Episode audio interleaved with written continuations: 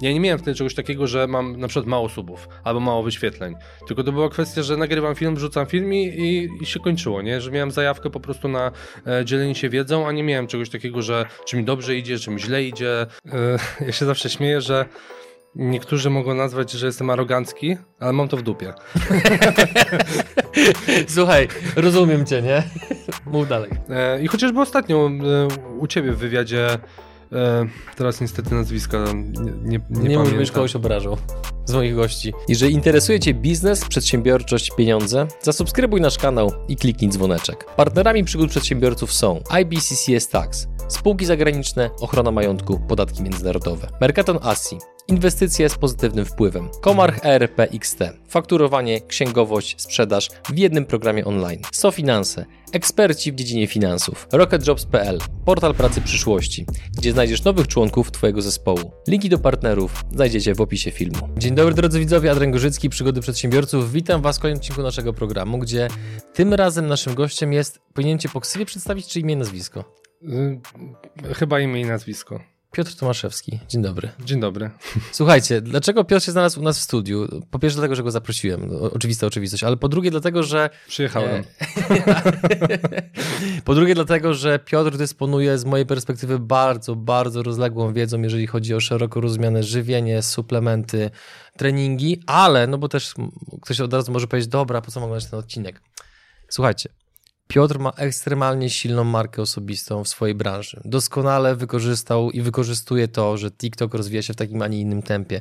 Ma swój kanał na YouTube, jest obecny również na innych socjalach, więc będziemy rozmawiali dzisiaj i o marce osobistej, i o odżywianiu, i o głupotach, w które wy bądź ja wierzymy, jeżeli chodzi o odżywianie, trening i tego typu rzeczy, które mogą się nam pomóc w, które mogą nam pomóc w podniesieniu takiej codziennej wydajności, której każdy z nas jako przedsiębiorcy poszukuje, więc zachęcam was, żebyście z nami zostali. Od początku. Ile lat w ogóle w tym siedzisz? Interesuję się tematem od 10. W internecie jestem w sumie też od 10.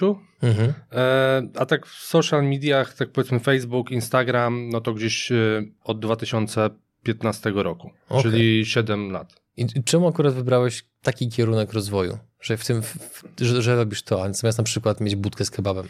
Znaczy naturalnie to wyszło. Ogólnie to było tak, że ja studiowałem prawo i na pierwszym roku prawa zacząłem się interesować siłownią.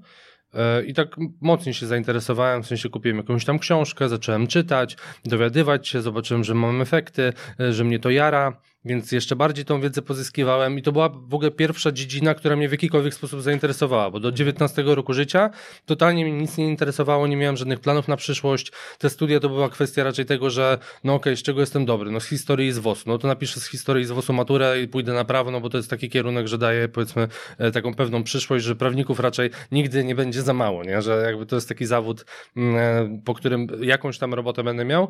E, no ale na studiach tak się potoczyło, że zacząłem tym tematem się interesować. Prowadziłem swój dziennik treningowy na blogu i właśnie tam się powiedzmy zaczęła moja działalność w internecie. Mm, po dwóch latach mniej więcej ten dziennik był najbardziej obserwowanym dziennikiem na, na tym portalu, e, jaki był. No i tam zacząłem ludziom pomagać za darmo na początku, w sensie i rozpisywać plany treningowe, dietę, suplementacja, mm, e, bo mnie to po prostu jarało. Jarało mnie to, że po pierwsze mam w kimś w ogóle, że ktoś widzi we mnie mm, e, jakiegokolwiek powiedzmy eksperta, który może mu pomóc. No i potem się pojawił pierwszy klient, potem kolejny, kolejny, potem pracowałem przez jakiś czas na siłowni. Na siłowni dosłownie miałem 4 miesiące, stażu to na dwóch siłowniach e, i wtedy też zrozumiałem, że praca dla kogoś nie jest totalnie dla mnie i że ja muszę być sam sobie pracodawcą. Mhm. E, no i w, tak w 2016 założyłem działalność, no i sobie działam. Jakby to jest chyba najśmieszniejsze w tym wszystkim, że żadne moje działania nie były przemyślane tak naprawdę tylko tak wychodziły po prostu naturalnie, że okej, okay, no co ludzie robią, na przykład YouTube, no gdzie ludzie oglądają filmy? No na YouTube, ja też oglądam filmy na YouTubie, mam coś do powiedzenia, to nagram jakieś filmy. No i początkowo przez kilka dobrych miesięcy ja w ogóle nawet nie miałem czegoś takiego i w ogóle e, e, żałuję, że, że to dalej nie trwa i na pewno mnie zrozumiesz, że ja nie miałem wtedy czegoś takiego, że mam na przykład mało subów albo mało wyświetleń, tylko to była kwestia, że nagrywam film, wrzucam film i, i, i się kończyło, nie? Że miałem zajawkę po prostu na e, dzielenie się wiedzą, a nie miałem czegoś takiego, że czy mi dobrze idzie, czy mi źle idzie, mhm. E, nie, nie, porównywałem się z nikim i dopiero po czasie to powiedzmy zacząłem traktować poważniej i jakoś tam na te liczby patrzeć. No ale mhm. to 2016 to totalnie to był taki spontan i e, tak się poruszałem po prostu jak e, dziecko we mgle. Mhm. To teraz zarabiasz głównie na czym? Teraz główny mój zarobek to są no, poradniki e-booki, mhm. jadłospisy i plan treningowy. Czyli to produkty jest, cyfrowe. Tak, to jest około 82% przychodów. Okej, okay, super. I teraz przejdźmy do TikToka, który w wielu kręgach, z, z racji tego, że nasz program raczej oglądają osoby starsze mhm. niż młodsze. Młodsze oczywiście są, ale są w mniejszości. To bardzo często na różnego rodzaju spotkaniach, eventach, kiedy właśnie ktoś ze mną porusza kwestię YouTube'a i generalnie internetu, no to pojawia się temat TikToka. I ten stereotyp, który błagam, przestańcie powtarzać, bo tylko to pokazuje, że nie przeczytaliście ani jednego raportu a propos tego medium. No, że tam TikTok to są dzieci, nie? jakieś głupoty albo jakieś tam kobiety, które pokazują to czy tamto. Natomiast powiem ci, tak sobie uświadomiłem kilka dni temu, że nam jako ludziom bardzo trudno jest zmienić pewne przekonania, które mhm. nosimy w sobie do jakiegoś czasu. Ja z racji tego, że wywodzę się z YouTube'a, no to bardzo chciałbym wierzyć, że ten YouTube to cały czas wiedzie prym. No ale z drugiej strony są raporty pokazujące, że TikTok, chociażby w Wielkiej Brytanii czy w Stanach Zjednoczonych, prześciga YouTube'a pod kątem czasu spędzanego per użytkownik na platformie, nie? Już nie wspomnę o tym, jak pięknie działa algorytm TikToka, że dopasowuje treści, które autentycznie chcesz oglądać. Kiedyś to tam naprawdę mhm. trafia mi się co któraś, która była ciekawa, a teraz sobie myślę, jak chwytam telefon, to mówię, nie, nie odpalaj TikToka, bo w sumie już praktycznie każdy film, który ci posuwam, ci się podoba i potem spędzasz w nim półtorej godziny. Trochę za długo. Natomiast jak ty wspominasz moment wejścia na TikToka? Jak się na tej platformie odnalazłeś? Jaką masz o niej opinię a propos tego, czy ona daje efekty dla biznesu, czy też nie? Gdybyś mógł nas trochę zabrać za kulisy, no bo jednak masz potwornie silny profil na tym, na tym, w tym medium. Z TikTokiem w ogóle jest bardzo śmieszna sytuacja, bo to jest tak, że ja się długo powstrzymywałem przed tym, nie miałem takiego, że założyłbym, tak oglądałem tego TikToka, ale to było dla mnie takie dziwne w sumie, e, no bo właśnie, wiesz, pod, pod podsyłało mi różne filmy, które nie były do mnie dobrane jeszcze, bo ten algorytm powiedzmy nie wyłapał tego, co ja lubię oglądać, e, więc miałem bardzo różne materiały, przez co mi się to średnio podobało, ale pamiętam, że mnie przekonywała do tego mocno Cleo. Się, mm, tak, Leo. Mhm. E, żebym się nadał tam i że to jest taka platforma, na której bym, bym się mhm. sprawdził. To jest, e, rozumiem, twoja znajoma. A czy powiedzmy, że znamy się tak, że okazało się, że ona mnie śledziła, no ja też wiem, kim ona jest, oczywiście. Siłą rzeczy. E, no i, no i tak się jakoś tam to powiedzmy zrobiło, no ale to powiedzmy jest mniej istotne. No i tak zacząłem coś wrzucać na tego TikToka, najpierw powiedzmy tak nieśmiało, że wrzuciłem jakiś filmik, poczekałem tydzień, wrzuciłem kolejny, poczekałem, e, ale cały czas tego TikToka oglądałem, bo poszedłem za radą e, Garego Wajnerczaka, że żeby wejść na jakąś platformę, trzeba wiedzieć najpierw jak ona działa, jak na niej się po prostu poruszać, posługiwać. Więc ja przez ten czas, przez te miesiące tego TikToka oglądałem, e, patrzyłem, co robią różni twórcy, patrzyłem, co robią twórcy, powiedzmy, z mojej dziedziny, których stosunkowo mm, było mało i, i dalej jest. No i tak zacząłem się tym bawić trochę, zacząłem wrzucać te materiały, no i się okazało, że ja w ciągu roku na TikToku zrobiłem 300 tysięcy obserwujących.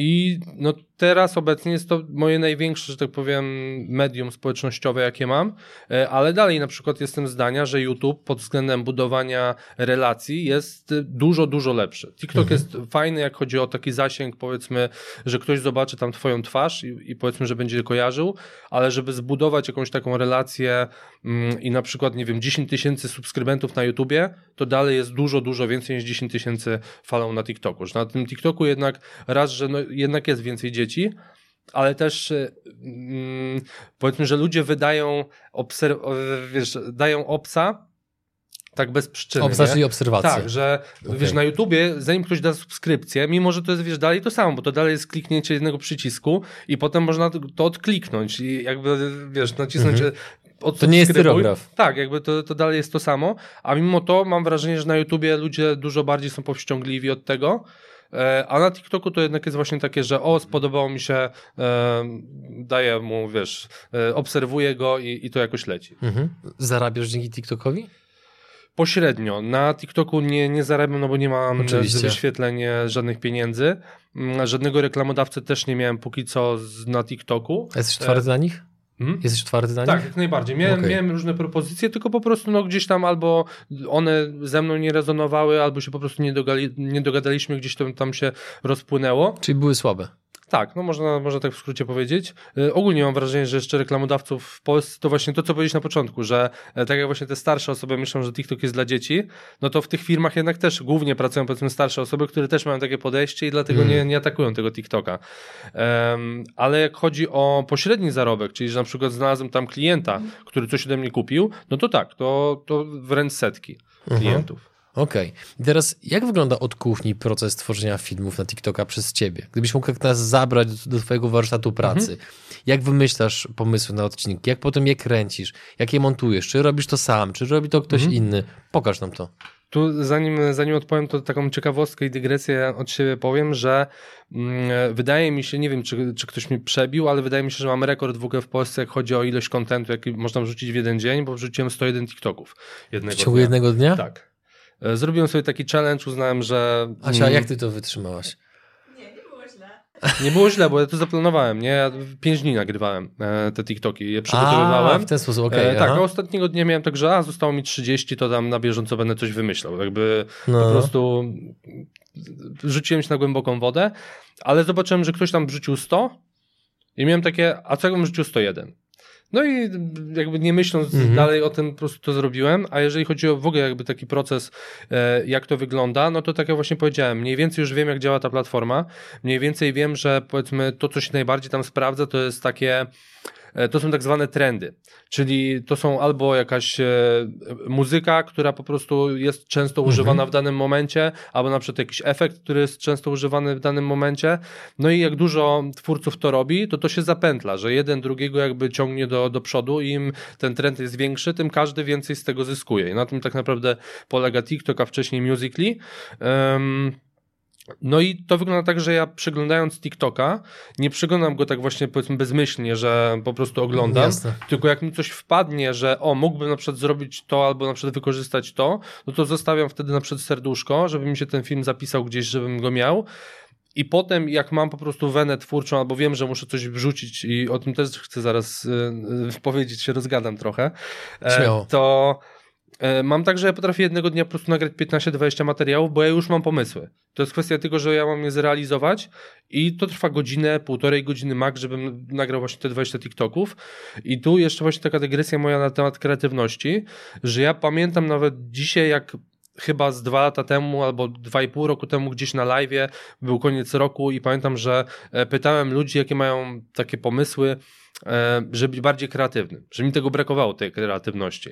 Ale zauważyłem po tym TikToku, że kreatywność to można powiedzieć, że też jest praca, i że nie, nie, trzeba być kreatywnym, żeby tworzyć, tylko w trakcie tworzenia jakby ta kreatywność sama się napędza. Czyli tak można to wyćwiczyć w sobie. Tak, i że właśnie tak jak wtedy miałem, że no, chciałem te 101 TikToków wrzucić i mimo, że nie miałem pomysłów wcześniej, no to one mi się nasuwały same przez się, bo miałem z tyłu głowy, że muszę wrzucić te 101, nie?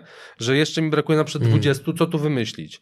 I mi po prostu pomysły same przychodziły do głowy i teraz mam tak, że jak się skupię powiedzmy i, i chcę coś nagrać, to na pewno znajdę jakiś pomysł. Może mi to zająć 5 minut, 10, 20, ale na pewno na coś wpadnę i jeżeli właśnie chcę coś nagrać, to po prostu siedzę nad tym, aż, aż mi jakiś pomysł wpadnie. Mhm. Masz takie poczucie, siedząc właśnie nad materiałami pod TikToka, że robisz je po to, bo to ci będzie generowało kolejnych klientów? Jakby jak, jaki jest proces myślowy w twojej głowie? No bo to jest inwestycja czasu. I w ogóle ile też czasu poświęcasz w ciągu dnia na e, tworzenie pod treści, nie, nie tylko pod TikToka, ale ogólnie? Ogólnie czasu spędzam mało stosunkowo na samo tworzenie, mhm. na, na powiedzmy ten content creating. E, dużo więcej czasu spędzam i to akurat jest powiedzmy moje, mój błąd, taki, że z którą walczę cały czas to jest nabudowanie relacji z widzami. Mhm. I, I, ktoś mógłby powiedzieć, że ale jaki to jest błąd, nie? No w, sensie, w sensie, no to jest oczywiste, że trzeba budować relacje z potencjalnym klientem.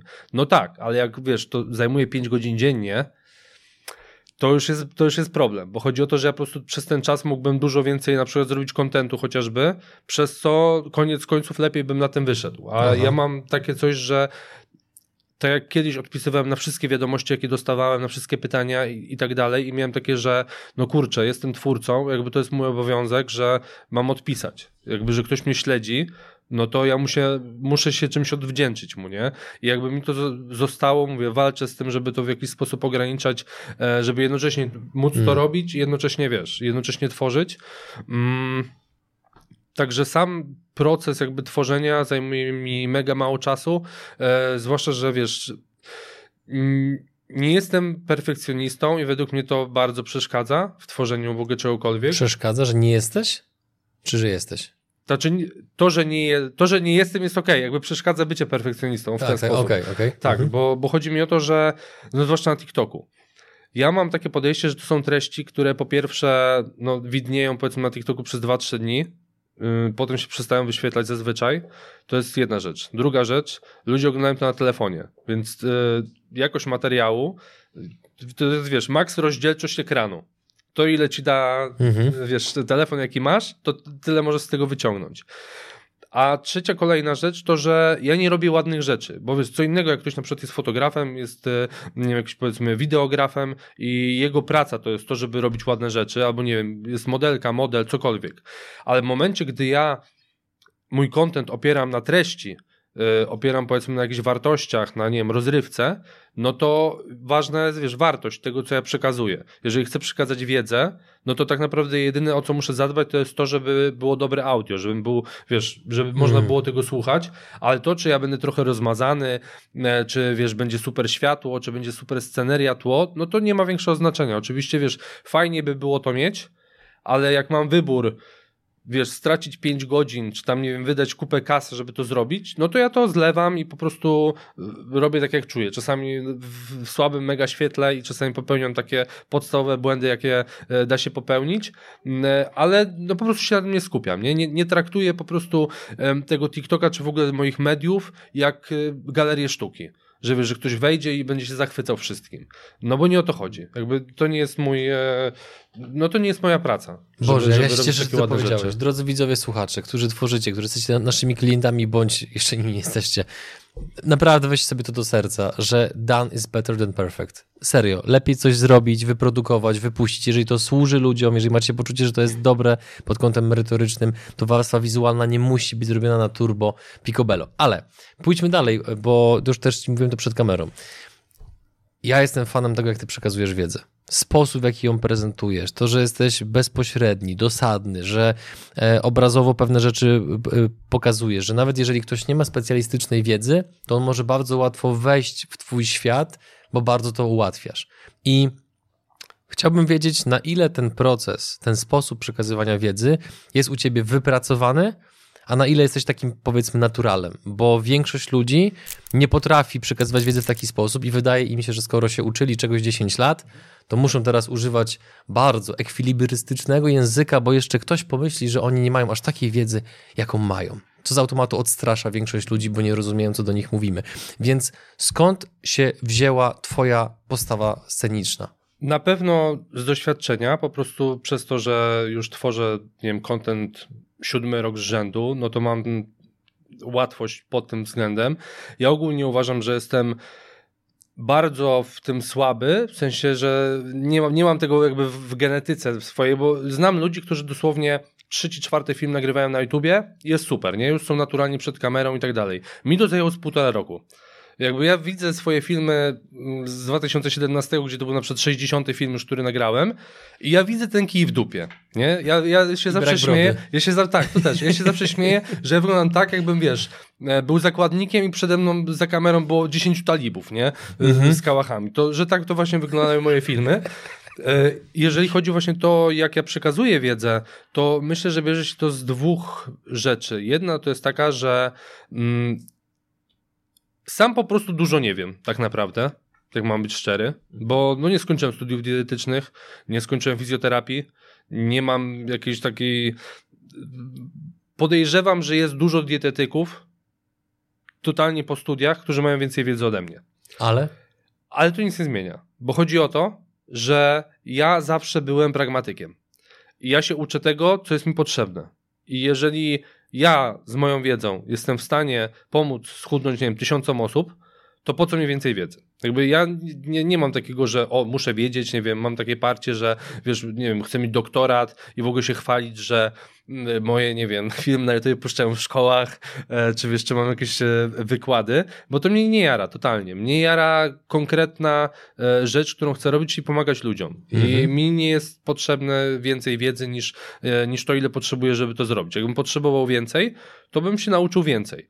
No i następna rzecz to właśnie jest to, do kogo ja trafiam. Że ja nie rozmawiam z na przykład studentami, powiedzmy, dietetyki, którzy sto, są tam, bo chcą się nauczyć o odżywianiu, tylko ja rozmawiam na przykład z, nie wiem, powiedzmy z cudzysłowie, z Grażynką, która przed chwilą na Onecie przeczytała, mm, jak schudnąć 10 kilo do wakacji, nie? I jakieś mm. magiczne sposoby właśnie na spalanie tłuszczu, przyspieszenie metabolizmu. I ja wiem, jakim tam językiem to jest napisane, e, czy mówione, więc ja nie mogę być gorszy, wiesz, ja nie mogę wyjść nagle z taką wiedzą, powiedzmy, ekspercką, używać trudnych słów, bo po co? Jakby nikt tego nie, nie, nie rozumie. E, dla mnie to też nie jest naturalne, bo ja tak nigdy nie, nie rozmawiam z nikim, nigdy, po prostu po prostu, no, nigdy tak nie, nie mówię. E, a ja zawsze wychodzę z założenia, że ta naturalność jest bardzo ważna, bo ja to też widzę u innych twórców, że na przykład ktoś, wiesz, na co dzień klnie jak szewc, odpala kamerę i nagle po prostu jakby, wiesz, mhm. jakby nie znał przekleństw, żadnych w żadnym języku. I dla mnie to jest zawsze śmieszne, bo to czuć, to widać i mam wrażenie, że to się też potem na tych twórcach odbija. E, a ja mam tak, że wiesz, przeklinam na co dzień, nie widzę w tym problemu. Dla mnie to jest, wiesz, po prostu język polski. E, I służy mi na przykład chociażby do podkreślenia mm, emocji, nie? No bo to jakby po, po to są przekleństwa tak naprawdę.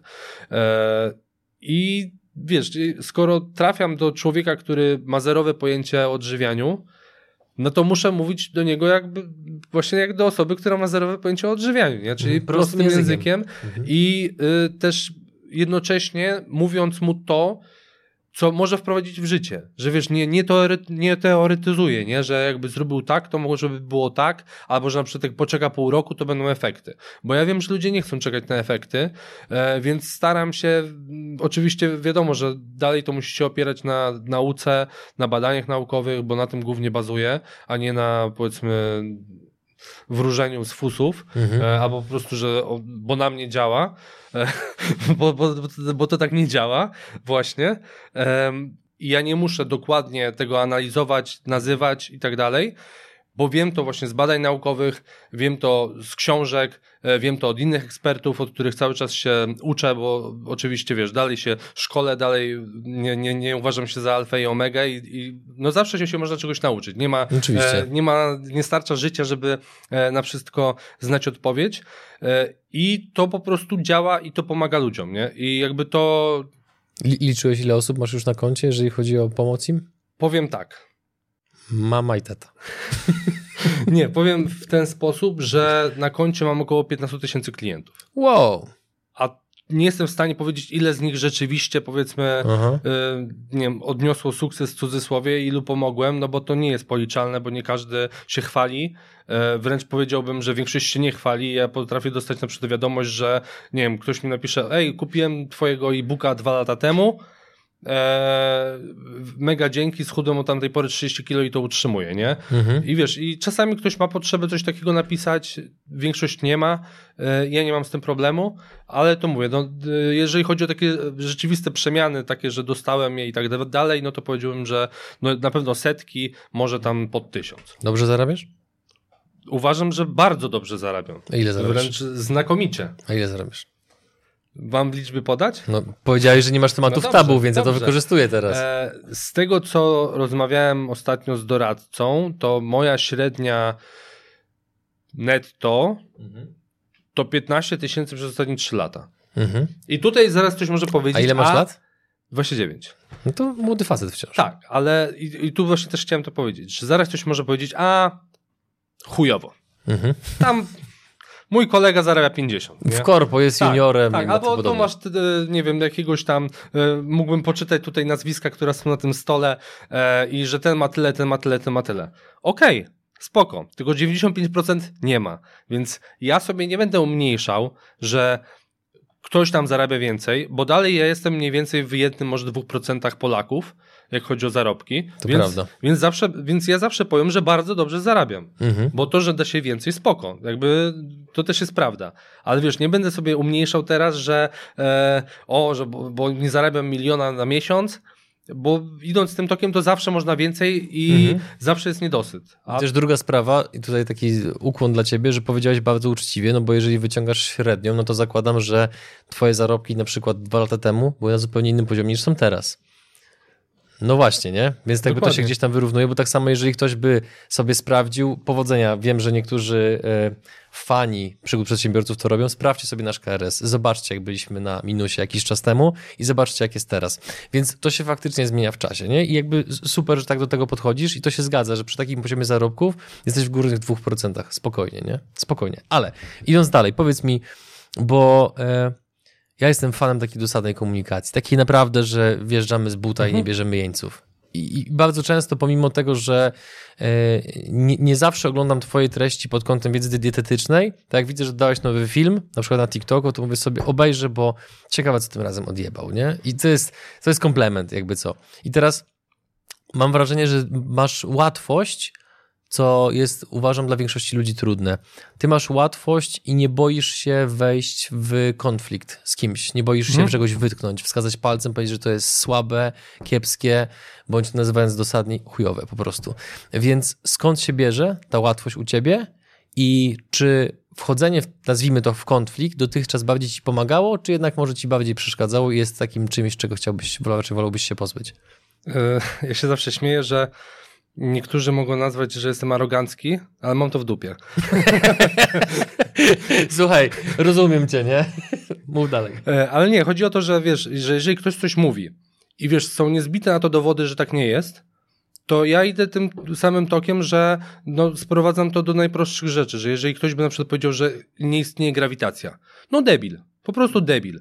Więc ja mam z tym tak samo, że jeżeli ktoś coś mówi, co jest no, autentycznie udowodnione naukowo i to nie wiesz, nie, od dzisiaj nie, że badania się zmieniają, tylko nie, od 50 lat to wiadomo, e, jakby po prostu ktoś żył w jaskini, e, to ja w takim momencie po prostu mam tą pewność, że ta osoba mnie nie jest w stanie zagiąć w żaden sposób.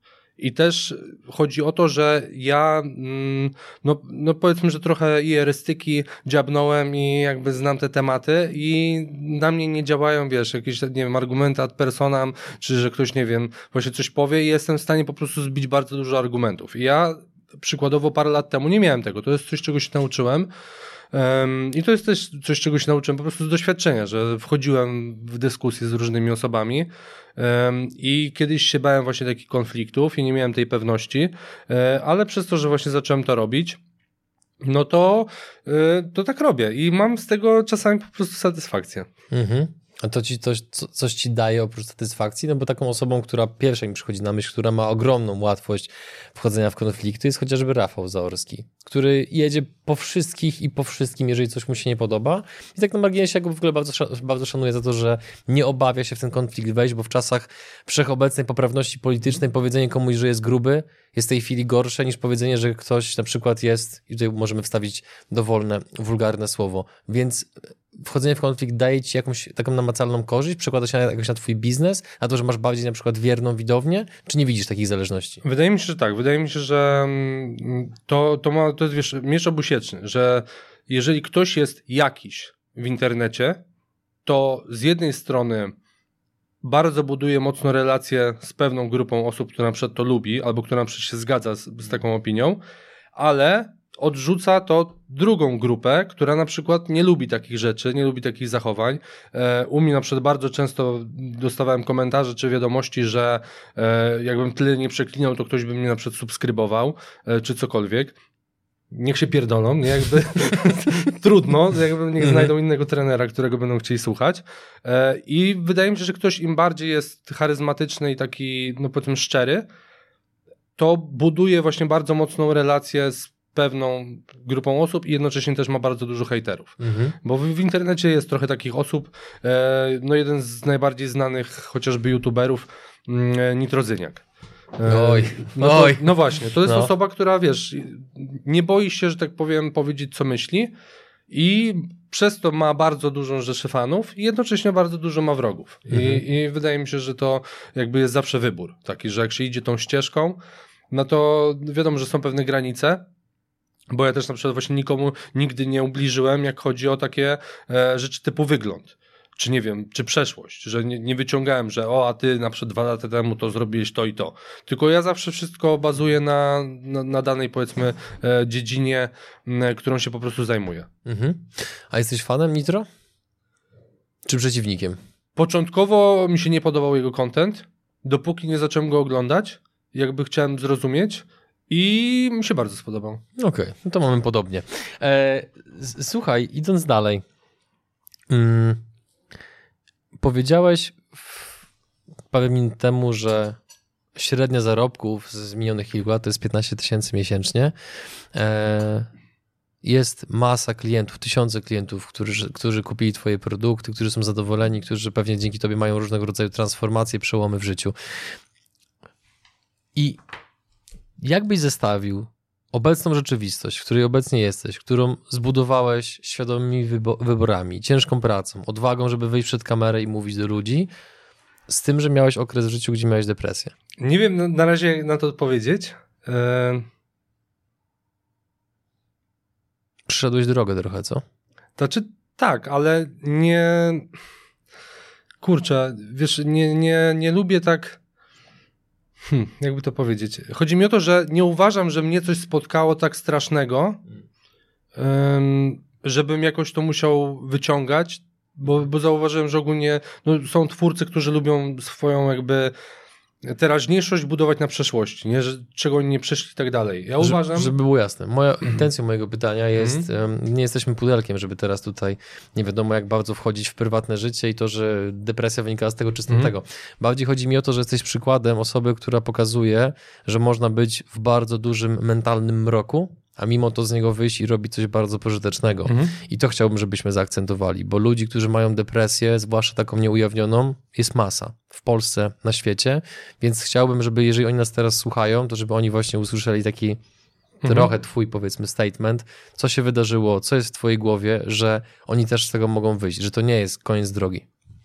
Znaczy najważniejsze to jest to, że jeżeli ktoś właśnie wpadnie w taki dołek, to ma dwa wyjścia, tak naprawdę. Albo w nim siedzieć dalej, albo z niego wyjść. I to jest, wiesz, proste to, co powiedziałem, ale mhm. tak jest, po prostu. To jest kwestia tego, że nie ma wyboru.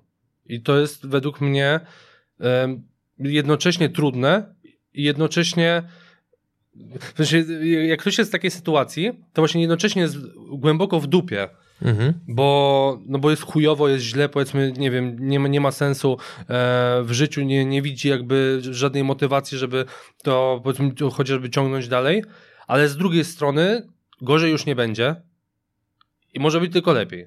I jakby jak tego, jak nic z tym nie zrobi, no to to się samo nie zmieni.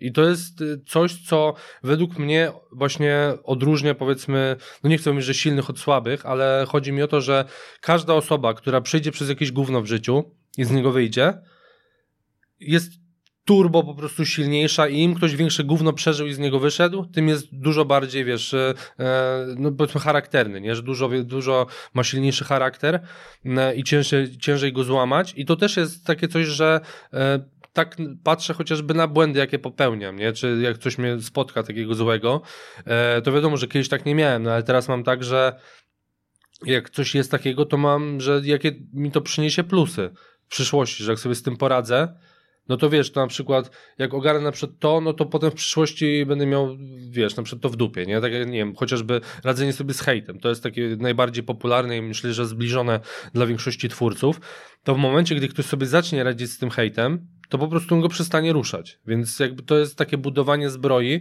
i, i budowanie wiesz, grubej skóry. Mhm. Po prostu spróbuj. Dokładnie w ten sposób podejść do firmowego kanału YouTube. Daj sobie szansę sprawdzić, jak wiele korzyści zyskałbyś ty i twoja firma, gdybyście z naszą pomocą spróbowali rozwinąć wasz firmowy kanał YouTube. Kto wie, może się okaże, że ten prosty ruch spowoduje wiele korzyści dla waszej organizacji. Wejdź na Przygody TV i sprawdź, jak inni klienci oceniają pracę z nami i jej efekty. Jakie można pierwsze kroki wykonać, jeżeli ktoś jest w depresji? No bo no, u, ustalmy, nie masz wykształcenia jako, jako psychoterapeuta mm. i tak dalej. Jesteś po prostu praktykiem, który w tym miejscu był i z niego tak. wyszedł. Więc gdybyś znowu miał ze swojego doświadczenia powiedzieć, jakie pierwsze kroki ty wykonałeś, które pozwoliły ci się z tego dołka wygrzebać, to co to było?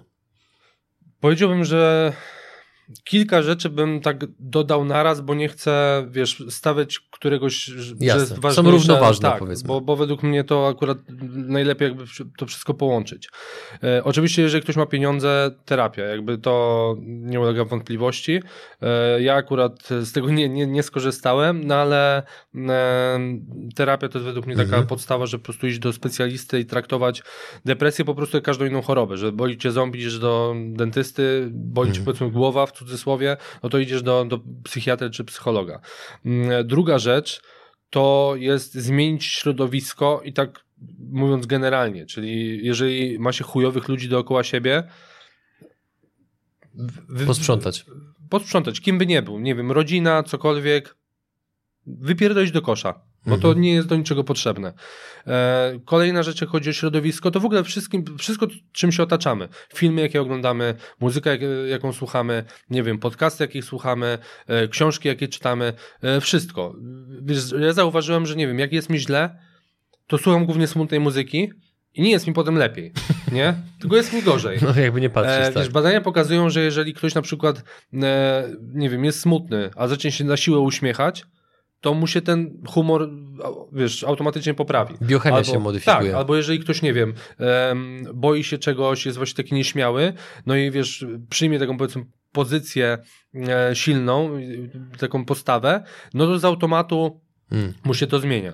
E, więc nie, nie, nie można jakby tego ciągnąć tak, że wiesz, jeśli źle, to zaczynasz robić wszystko, co jakby... Żeby się tym urządzać. Nie? Tak, że tutaj, nie wiem, alkohol, narkotyki, e, właśnie smutna muzyka, jakieś depresyjne filmy, e, de cokolwiek. Nie idziesz jeszcze do jakiegoś znajomego, któremu się zjebało życie, że posłuchać jeszcze, co, co może ci spotkać, e, jakby cokolwiek, nie? I ja u siebie zauważyłem, że mi na maksa pomogły e, książki do samorozwoju, albo jakieś właśnie podcasty czy audiobooki. Mm. I ja zawsze będę to tłumaczył, że jakby w tych książkach nie ma nic odkrywczego, nie? To nie jest tak, że wiesz, że przeczytasz sobie, nie wiem, tutaj trochę Napoleona Hilla, e, tutaj, nie wiem, Briana Tracy'ego, tutaj Tonego Robinsona, cokolwiek i od każdego coś wyciągniesz, bo to jest praktycznie to samo, nie? Równie dobrze ktoś mógłby wyciągnąć sobie Biblię albo Koran i pewnie też by wyciągnął podobne wnioski. Um, tylko chodzi o to, żeby się otaczać takimi informacjami. Takimi bodźcami. Tak, że ja, ja, to traktuję tak samo, jakbym miał takich znajomych, że po prostu zamiast ze znajomym, no to spędzam ten czas, powiedzmy na, na przykład z Napoleonem Hillem e, w, w, książce i ja potem jestem dużo bardziej zmotywowany, nie? Mi się po prostu bardzo ciekawa chce. perspektywa, bardzo ciekawa rama, jeszcze takiej nie słyszałem, a to jest no, no mega... Bo to jest, no. bo to jest wiesz, bo ciężko ciężko znaleźć takich ludzi w życiu, nie? Ale jak chodzi o takich ludzi na przykład w internecie, bo to idąc tym tokiem można dalej, że na przykład znajdujesz youtubera, e, z którym na przykład, o, że chciałbyś takie życie prowadzić, nie? Że mega ci się podoba, że jest mega pozytywny, że jest taki właśnie, wiesz, że sobie radzi z problemami, to, no to również pomaga, no bo widzisz kogoś, kto sobie z tym rzeczywiście radzi. Ludzie, no to są zwierzęta i, i powtarzają e, też jakby schematy, które widzą. I tak jak jest to powiedzenie, że jeżeli masz, e, nie wiem, pięciu biednych znajomych, no to ty będziesz szósty, nie? E, I tu ja to postrzegam tak samo, tylko po prostu to rozszerzyłem, jak chodzi o, o wszystko, co się dzieje w naszym życiu. Że nie musi to być taki namacalny znajomy, tylko to może być chociażby właśnie osoba w internecie, którą się śledzi. Powiedziałeś w pewnym momencie, jak rozmawialiśmy przed chwilą, że wielu twórców ma problem z radzeniem sobie z hejtem. I to jest też coś, co my obserwujemy u naszych klientów, którzy chcą mieć kanał na YouTubie, że a co jeżeli będą negatywne komentarze? No to jest generalnie część mm. immanentna tego procesu, że co, co, jakiś czas komuś się nie spodoba to, co mówisz, jak wyglądasz, co robisz. Jak ty sobie poradziłeś z hejtem? Jak go tak przepracowałeś mm. w głowie, że zaczęło to po tobie spływać jak po kaczce? E, okej, okay, tak, tak, po pierwsze, e, to a propos tego właśnie, że o, coś jak się pojawią negatywne komentarze, a zawsze się pojawią negatywne komentarze. Nie znam nikogo, kto ma zasięgi i nie ma negatywnych komentarzy, bo to jest tak, że jak ktoś nie ma, to znaczy, że nie ma zasięgów. Mhm. Jakby to idzie w parze. Bądź nie mówi nic e, istotnego. Tak, no bo to nawet cytując e, i tutaj pochwalę wiedzą i powiem coś mądrego, to cytując e, Arystotelesa, to on właśnie powiedział, że jeżeli nie chcesz, żeby o tobie źle mówili, to nic nie rób, nic nie mów, bądź nikim. I mhm. wtedy. Nikt, nikt nic złego nie powie. E, I jak sobie z tym poradziłem? raz, że znowu, doświadczenie. Jak się czyta tysięczny komentarz, taki sam, wiesz, z hejtem, no to, to przestaje w pewnym momencie cię ruszać. W sensie, no, przynajmniej ja tak miałem, że no, na początku było trochę ciężej niż teraz. Druga rzecz to jest to, że czytając coś, ja zaczynam to rozkminiać. W sensie takim, czy nie wiem, jak ktoś mi na przykład powie, jesteś gruby, nie? To mam takie, czy jestem gruby? No nie. No to, to debil jakiś, nie? Jakby nieważne.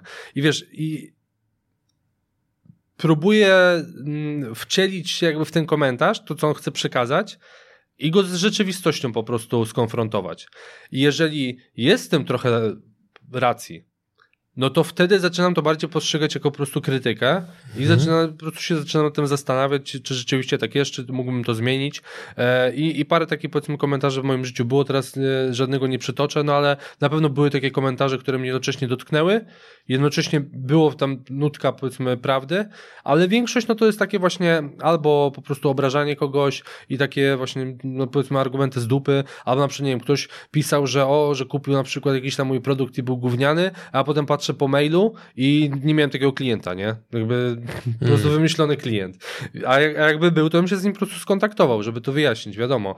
Ale no chodzi mi o to, że zawsze te osoby, które piszą takie komentarze, to ja mm, też patrzę na to tak, że kto może napisać ten komentarz? Trzeba pamiętać, że w internecie wszyscy są anonimowi, więc równie dobrze to może być dwunastolatek, który kręci sobie bekę z kolegami w klasie, bo mu się nudzi i nie mają co robić. No i wtedy, wiesz, mam takie, czy bym się przejął opinią dwunastolatka w życiu? No nie, miałbym to w dupie.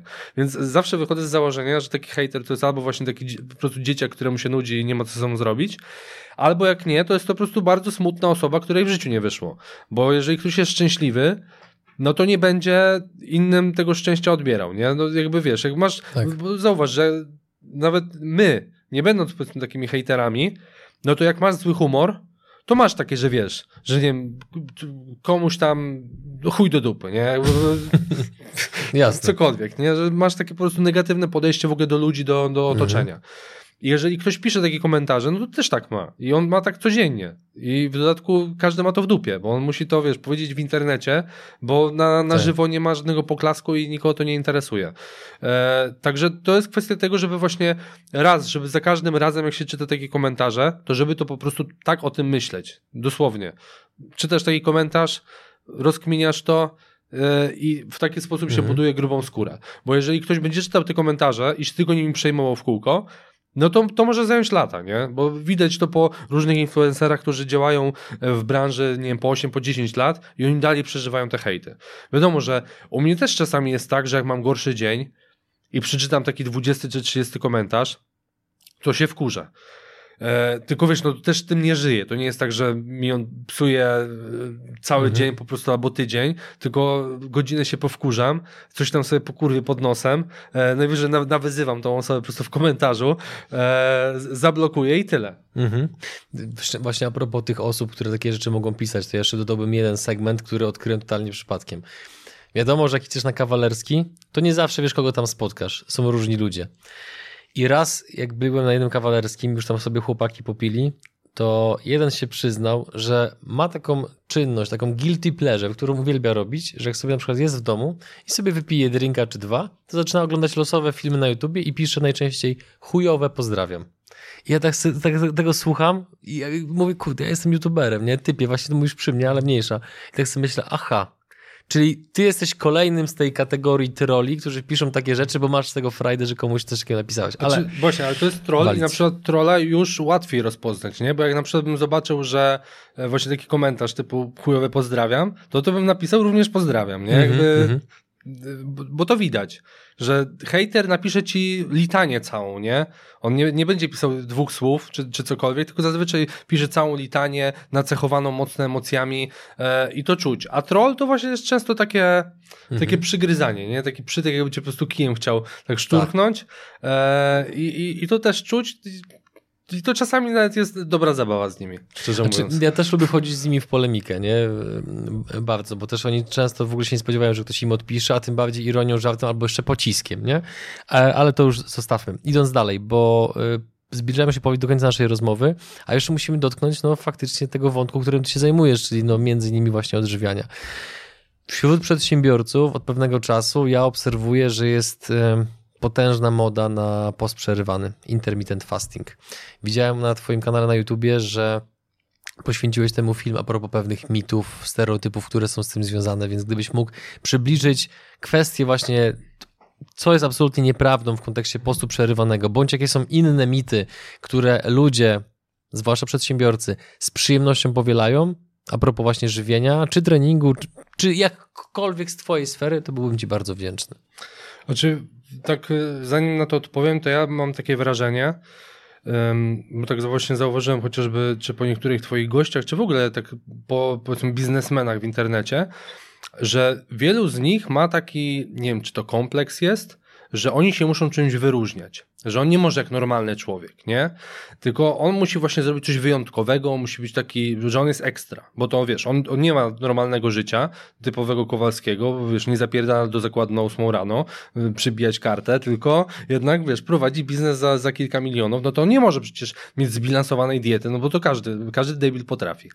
Ja mam takie wrażenie, że oni właśnie utknęli w takiej tej bańce, że oni są wyjątkowi i wszystko muszą właśnie robić wyjątkowego, dlatego też się wyjątkowych powiedzmy metod chwytają, albo takich, które są psychicznie męczące, nie? Że wiesz, właśnie na przykład o 48 godzin bez jedzenia na samej wodzie, albo dieta ketogeniczna i wiesz, bez węglowodanów. I właśnie takie skrajności. I mi się wydaje, że to są, wynika właśnie z tego, że ktoś nie ma powiedzmy takiego normalnego życia, więc nie może mieć normalnej diety.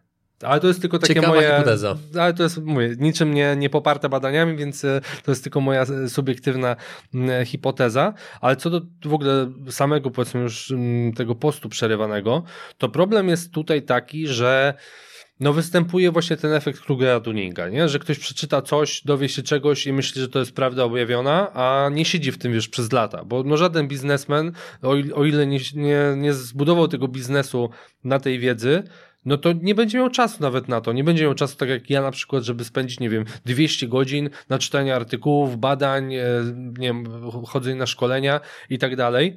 Tylko on, nie wiem, wpisze okresowy post, wyjdzie mu jakiś tam doktor Jason Funk, nie? I że on ma jakąś tam klinikę i on używa tego i leczy ludzi z cukrzycy. I on ma takie, no dobra, to jak to działa, to znaczy, że tak jest i, i koniec, kropka. A wiesz, nie szuka dalej.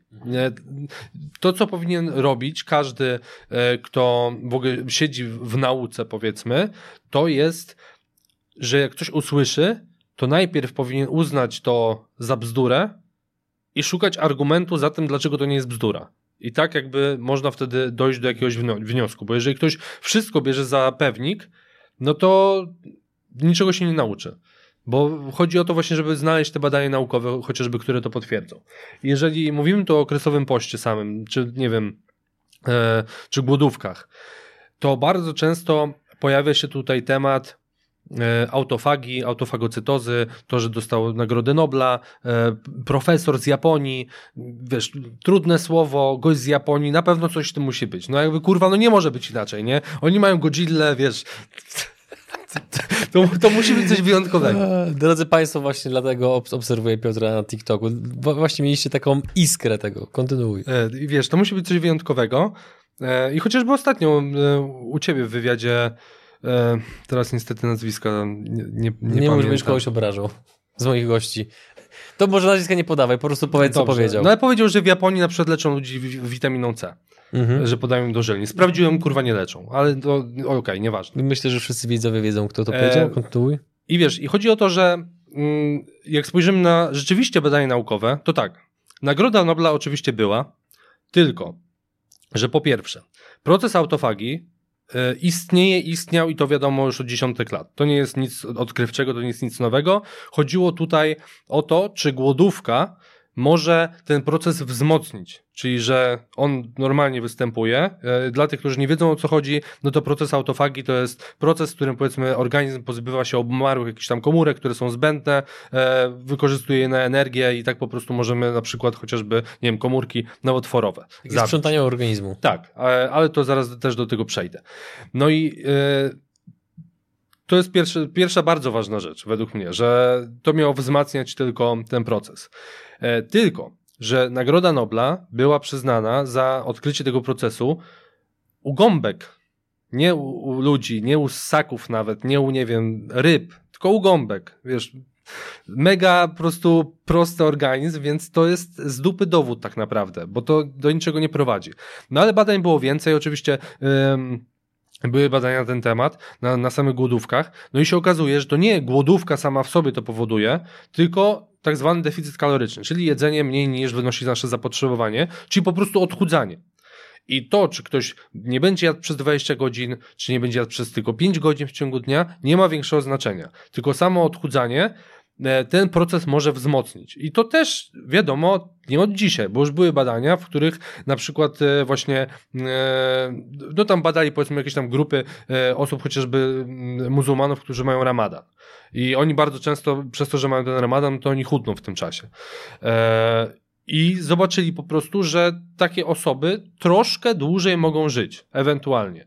Ale po pierwsze, to nie jest tak, że ktoś nagle będzie żył 150 lat, bo jeżeli chodzi o najstarszą, w ogóle najstarszą e, grupę społeczną, jaka jest, e, no to bodajże na Sycylii jest takie miasteczko, w której tam średnia wieku to jest chyba 93 lata czy coś takiego i oni jedzą na przykład pełno makaronów. E, no to typowa włoska kuchnia, można powiedzieć. Jedyne, co ich odróżnia od innych, no to raz, że mają mało przetworzonego jedzenia rzeczywiście, bo mają dużo lokalnych dostawców i tak dalej, a dwa, że oni mają mega lightowe tam życie. Tam każdy się zna ze sobą, mają, wiesz, chill, chill pełny, więc nie, nie ma tam mowy o stresie. Japończycy to samo, przecież pełno ryżu jedzą. Jakby to są węglowodany, więc jak ktoś mi mówi, że węglowodanów nie można jeść, bo, bo coś tam, no to gada głupoty, bo jakby te argumenty, które on potem podaje, e, się ze sobą nie kleją. I ja nie mówię, że wiesz, intermittent fasting czy okresowy post, mówiąc po polsku, że to jest głupi pomysł. Bo ja sam już zdążyłem być na nim 4 lata, zanim ludzie zaczęli o tym mówić, nie? E, ja już zdążyłem mieć posty po 20 godzin e, i, i jakby robiłem to świadomie. I też dlatego wiem, że nie ma w tym magii żadnej bo ja wtedy ani się lepiej nie czułem niż teraz, ani lepiej nie wyglądałem niż teraz, ani moje zdrowie nie było lepsze niż teraz. E, I patrząc, nie wiem, chociażby na klientów czy ludzi, nie, było, nie miało to znaczenia. Miało znaczenie to, że ogólnie ogarnąłem powiedzmy dietę i się zdrowo odżywiałem e, i to jest najważniejsze w tym wszystkim. Żeby wiesz, że nie szukać jakichś magicznych metod, diet, których trzeba się trzymać, że e, to musi być jakieś, wiesz, skomplikowane i tak dalej, tylko to są proste rzeczy, o których tak naprawdę każdy sobie zdaje totalnie sprawę, bo wiesz, każda otyła osoba, ile by nie ważyła, w ogóle każdy człowiek, jak nie wiem, skończy powiedzmy 13 rok życia, zdaje sobie z tego sprawę, że czekolada, McDonald's, pizza, kebaby i piwo to nie jest fundament diety, nie? Jakby, że to nie powinno, to nie jest zdrowe. To nie, nie trzeba do tego wiedzy. Ja wiesz, nie muszę iść do dietetyka klinicznego, który mi powie, że muszę przestać, wiesz, żłopać browary codziennie. Bo ja to wiem. Tylko problemem jest to, żeby wprowadzić tą zmianę. I to jest największy problem. I według mnie to jest właśnie coś, co mnie na przykład odróżnia od y, wielu ekspertów, że mogą być ludzie, którzy mają dużo więcej wiedzy ode mnie, tylko ta wiedza jest teoretyczna. Oni, wiesz, wiedzą, jak powinno to wyglądać, ale nie wiedzą, jak, przy... w sensie, wiesz, to jest tak, że ktoś wie na przykład, nie wiem, jak wygląda Kraków, ale nie wie, jak do niego dotrzeć, nie? I jakby co z tego, że, że wie, mhm. jak i tak nic z tym nie zrobi. I to jest to samo, że ja się zajmuję tym i cały czas to zgłębiam tak naprawdę, dlatego się bardziej zacząłem interesować, nie wiem, chociażby psychologią, e, żeby jak skłonić właśnie kogoś do tej zmiany. Bo to, to wiesz, ta zmiana jest najtrudniejsza w tym wszystkim. Nie mm, to, żeby ktoś schudł tak sam w sobie, mhm. bo sam proces odchudzania jest mega prosty. Tylko, żeby go do tego nakłonić, żeby to wyszło z niego, że on rzeczywiście tego chce i żeby on wprowadził zmiany do swojego życia, które zostaną z nim na dłużej. Bo to, że ktoś schudnie, nie znaczy, że ktoś utrzyma wagę. Bo jak pokazują też badania, to statystycznie rzecz biorąc, 90% y, ludzi po 3 latach wraca do wagi sprzed odchudzania. Czyli jeżeli ktoś ważył 120 i schudł do 80, no to jest duże prawdopodobieństwo, że będzie ważył znowu 120 za 3 lata, bo jeżeli on wchodzi na jakąś dietę, która z nim nie rezonuje, nie jest, y, no, no nie jest w stanie się tego trzymać cały rok, no to on w którymś momencie się potknie, nie? No bo właśnie, czy wiesz, dojebie go depresja, czy cokolwiek, e, czy będzie miał gorszy okres, czy nie będzie miał czasu chodzić na siłownię, czy cokolwiek by się nie stało w życiu, no to będzie lipa w pewnym momencie. I ja na przykład widzę to u siebie, że ja miałem taki okres, że przez no, parę dobrych miesięcy w ogóle nie, robi, nie, nie, nie, nie ćwiczyłem. No, były zamknięte siłownie, ja też miałem gorszy okres, jak chodzi o robotę, e, bo wiadomo, że cała sytuacja, która miała miejsce dwa lata temu, dotknęła moją branżę bardzo Mhm. mocno. E, I wiesz, ja przytyłem 4 kg, Mhm. które zaraz rzuciłem. Bo wiesz, bo mam wypracowane pewne nawyki, Mhm. których, no, co by się nie działo, to jest dla mnie tak jak mycie zębów, nie? Taki Że autopilot. przykład- tak, że muszę mieć mięso w posiłku, no. Muszę mieć białko, wiesz, musi być źródło białka. Jak nie ma źródła białka, no to ja jestem chory, nie? Ja mam takie, że muszę dobić białko, Mhm. wiesz. I, I właśnie to są takie przyzwyczajenia, e, albo że na przykład nie piję napojów słodzonych cukrem. E, to naprawdę musi mi się totalnie bardzo chcieć pić, i nie może być wody gdzieś nawet chociażby z kranu, żebym ja sięgnął na przykład, nie wiem, po Coca-Colę słodzoną cukrem. Tylko wiesz, to są właśnie takie rzeczy, których człowiek się uczy e, i które są potem z nim przez całe życie. Tak samo właśnie jakaś aktywność fizyczna, cokolwiek. I tu jest ten klucz nie? Do, do sukcesu. Mhm. Jakie byś wskazał takie powiedzmy trzy podstawowe elementy, które ktoś mógłby zacząć wdrażać tu i teraz, jeżeli chce faktycznie poprawić swoje zdrowie? Po pierwsze, aktywność fizyczna, jakakolwiek. Dosłownie cokolwiek robić. Nawet spacery. Tak. Spacery są zajebiste. To jest dosłownie, e, no tu też znowu powiem, że badania pokazują, no ale badania pokazują, że każde powiedzmy tysiąc kroków więcej do około 80 tysięcy to jest przedłużenie życia o 7%, nie? E, wiadomo, że to dużo Mhm. rzeczy ma na to wpływ, ale no tam grupa badana była Na bardzo przykład duża. to, czy nie jarasz fajki po drodze idąc. No tak, no ale, ale wiesz, Wiadomo, o co ale, chodzi, chodzi ale, lepiej, ale lepiej iść ze szlugiem, niż iść w domu ze szlugiem. Tak, no ciężko z tym dyskutować, no nie? właśnie. E, no i właśnie chodzi o to, że żeby to była jakakolwiek aktywność, która przynosi frajdę, cokolwiek. No, Nie musi przynosić frajdę, no ale chodzi o to, żeby też szukać w tym wysiłku właśnie przyjemności. Mm, I tutaj znowu, na przykład jak idziemy na siłownię, to namówić na przykład jakiegoś znajomego, żeby z nami poszedł, czy tam koleżankę, czy na jakieś zajęcia fitness, czy właśnie na spacer, żeby ktoś poszedł z nami, nie wiem, porozmawiać sobie, bo im więcej rozrywki w tym będziemy widzieć, tym bardziej nam się będzie chciało to robić, no bo to jest jak ze wszystkim, nie, że jakby, mm, wiesz, jak robisz coś, i masz z tego przyjemność, no to chce ci się to robić. To jest tak jakbyś, wiesz, zarabiał pieniądze, ale nie miał z tego przyjemności. No to, wiesz, no to uznasz takie, że no, no chuj mi te pieniądze, nie? Tak naprawdę. Jak i tak nie mam z tego przyjemności, nic z tego nie mam, no to po co mi to? I z wysiłkiem jest tak samo, że po prostu ten wysiłek musi jakąś tam frajdę sprawiać.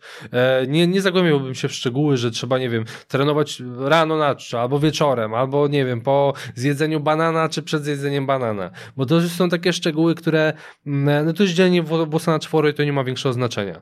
E, druga rzecz, no to, to są właśnie zmiany nawyków żywieniowych i zacząłbym naprawdę małymi krokami, czyli właśnie jeżeli ktoś, nie wiem, pije 20 browarów w tygodniu, to niech zacznie pić 10 browarów w tygodniu. To jest 10 browarów mniej, e, a 10 browarów mniej to jest na przykład 2000 kalorii mniej, więc w ciągu miesiąca schudnie kilogram już, nie? Jakby ograniczając tak naprawdę no coś, ale nie, nie musi tego wyrzucać z diety. E, i tak jest ze wszystkim, ze słodyczami, z jedzeniem na mieście, mm, e, właśnie z, z, ze słonymi przekąskami, cokolwiek. Że właśnie takimi małymi kroczkami zacząć to naprawiać, a jeżeli już mówimy o osobie, która powiedzmy no, ma tam lekką nadwagę, czy wiadomo, no nie, nie musi zrzucić 50 kg, no to jakby wtedy się zaczynają schody, bo organizm nasz tak naprawdę broni się przed otyłością. Mamy dużo e, mechanizmów w ciele, chociażby insulinooporność. Dla, wiesz, dużo osób mówi, że jest otyła, bo ma insulinoporność. Nie, ma insulinoporność, bo jest otyła, bo organizm się broni i nie chce więcej tłuszczu. Insulinooporność polega na tym, że to komórki tłuszczowe się bronią przed gromadzeniem tłuszczu, nie? I, i wiesz, to Ciekawe. jest takie... No, no to jest właśnie śmieszne, że dużo ludzi mówi właśnie, że to jest problem, a to nie jest problem. To jest wręcz właśnie taki znak organizmu, że on się broni. E, I tak samo jest ze wszystkimi hormonami, które odpowiadają za sytość. Że na przykład było bardzo fajne, tylko to już dawno temu, bo to dzisiaj pewnie by nie przeszło, nawet jak chodzi o wiesz, prawa człowieka, ale było tak, że zamknęli ludzi e, w jakimś tam ośrodku i oni mieli do dostępu tylko taką bezsmakową papkę do jedzenia, która była mega odżywcza, nie? Ona miała wszystko, to mikroelementy, makroelementy, kalorie i mogli dosłownie spożywać tyle, ile chcieli tego, że podchodzili do maszyny, klikali taki, wiesz, Mhm. na, na, Bajkę na taką. syrop No, i, no. wiesz, i dostawali porcję. No i się okazało, że Im ktoś był e, bardziej otyły i miał więcej tkanki tłuszczowej, tym mniej kalorii spożywał w ciągu dnia. I na przykład osoby, które były szczupłe, spożywały mniej więcej na poziomie swojego zapotrzebowania kalorycznego, czyli organizm domagał się tyle, ile rzeczywiście potrzebował. A z kolei u osób otyłych to było tak, że nie przed niektórzy jedli tylko 400 kalorii dziennie. No bo on ma mega dużo Zapasu. zapasu energii, który może wykorzystać e, i właśnie te hormony się bronią przed tym. E, u osób otyłych tak naprawdę największym problemem raz, że są nawyki złe, a dwa, że przez to, co jedzą, to to napędza cały ten proces, że wiesz, że e, skoro jedne, nie wiem, pizzę, chipsy czy cokolwiek, to jak spróbuję, chce mu się jeść więcej i to jest normalne. U każdego człowieka tak jest, tylko że osoba otyła po prostu gorzej na to reaguje niż osoba szczupła. Więc e, powiedziałbym, że zmiana nawyków żywieniowych, taka po prostu e, małymi kroczkami, taką metodą powie- powiedziałbym Kaizen. A trzecia rzecz, na którą bym zwrócił uwagę, e, to jest odpowiedni sen. Bo z tym ma dużo ludzi problem, na pewno ludzi, którzy właśnie chociażby, mm, no nie wiem, czy może oglądają ten kanał, bo nie wiem, jaką macie dokładnie grupę odbiorców, ale powiedzmy, że u przedsiębiorców ten sen, no to jest przekleństwo, nie? To jest jakby normalne, że ktoś śpi 4-5 godzin dziennie, e, gdzie no sen jest jedną z najważniejszych funkcji, jakby, które musimy robić i nie jesteśmy w stanie tego w żaden sposób się pozbyć. Cieszę Czy- się, że to wymieniłeś, bo jak często słyszę właśnie, że ktoś opowiada o suplementacji, żywieniu, treningu, nie wiadomo o czym, a zapomina o śnie, który jest de facto fundamentem wszystkiego. Mhm. Jeżeli jesteś wyspany, to wszystko ci przychodzi Mhm. łatwiej. Zmiana nawyków, ograniczanie miski, pilnowanie tego. E, Więc zgadzam się z tym i widzę, że przedsiębiorcy, mam wrażenie, że wychodzą powoli z takiego mroku, mm, takiego wręcz przekleństwa, które jeszcze wiele lat temu było obecne, że tutaj właśnie tam, wiesz, sen jest dla słabych, walić to tam spać 4-5 Mhm, godzin tak. i jazda z tematem. Albo sen polifazowy. Dokładnie. Teraz przedsiębiorcy mam wrażenie, że coraz częściej idą w kierunku takiego już świadomego snu, że dbają chociażby o to, żeby powiedzmy blokować światło niebieskie i, i robić te wszystkie rzeczy, żeby ten sen był znacznie lepszej jakości. E, ja, ja dodałbym sobie od siebie jedną rzecz, która to wszystko, co powiedziałeś, bardzo ułatwi. Towarzystwo odpowiednie. Mhm. Ja sam po sobie widzę, że jak jestem akurat na spotkaniu, gdzie tak się złożyło, że są friki żywieniowo-sportowe, to zamówić przy nich coś innego niż coś, co jest zdrowe, nie.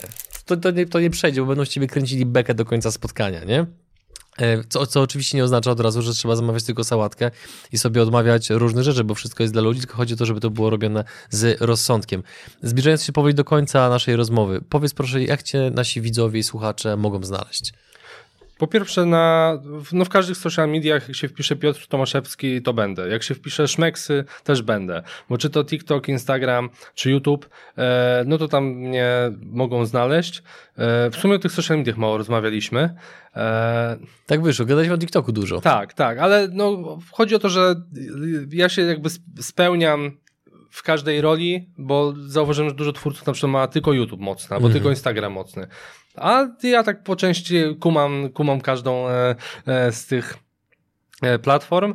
Także mówię, na każdej platformie, na Facebooku mnie nie ma. W sensie jestem, ale tylko, tylko po prostu jest moje konto, ale nie jestem tam w ogóle aktywny.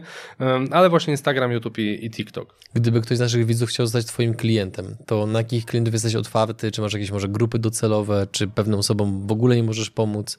Jak to wygląda? Obecnie w ogóle nie współpracuję jeden na jeden, nie, nie mam jakichś konsultacji prywatnych, więc e, jedyna współpraca, jaka jest ze mną, no to po prostu przez moje programy treningowe i jadłospisy, które mam na Mhm. stronie Em, i jakby to jest wszystko, co można zrobić. W sensie można się ze mną skontaktować i spytać mnie o coś, ale no ja nie, nie, nie układam żadnych diet już treningów i nie, nie prowadzę konsultacji. Stawiamy kropkę. Y, Dziękuję Ci za rozmowę, za Również otwartość, dziękuję. szczerość i to, że y, przede wszystkim w tym wywiadzie byłeś sobą. Bo jak się właśnie zastanawiałem, tak sobie, tak sobie myślałem, ale nie chciałem Ci tego mówić. Kurczę, żeby on nie był za bardzo ugrzeczniony, nie? No bo to okej, no program biznesowy, niektórzy tak właśnie mają. To, o, tym, o tym mówiłeś, że tam u siebie na kanale czy w swoich socjalach tam, wiesz, jadą ostro, a potem przychodzą do nas, no i przez to, że widzą, a że ja jestem w kamizelce, tu program biznesowy, to nagle są tacy właśnie trochę przytłumieni. A to, to nie o to chodzi. Trzeba, uważam, pilnować swojej ekspresji i być po prostu y, y, zgodnym sam, samemu ze sobą.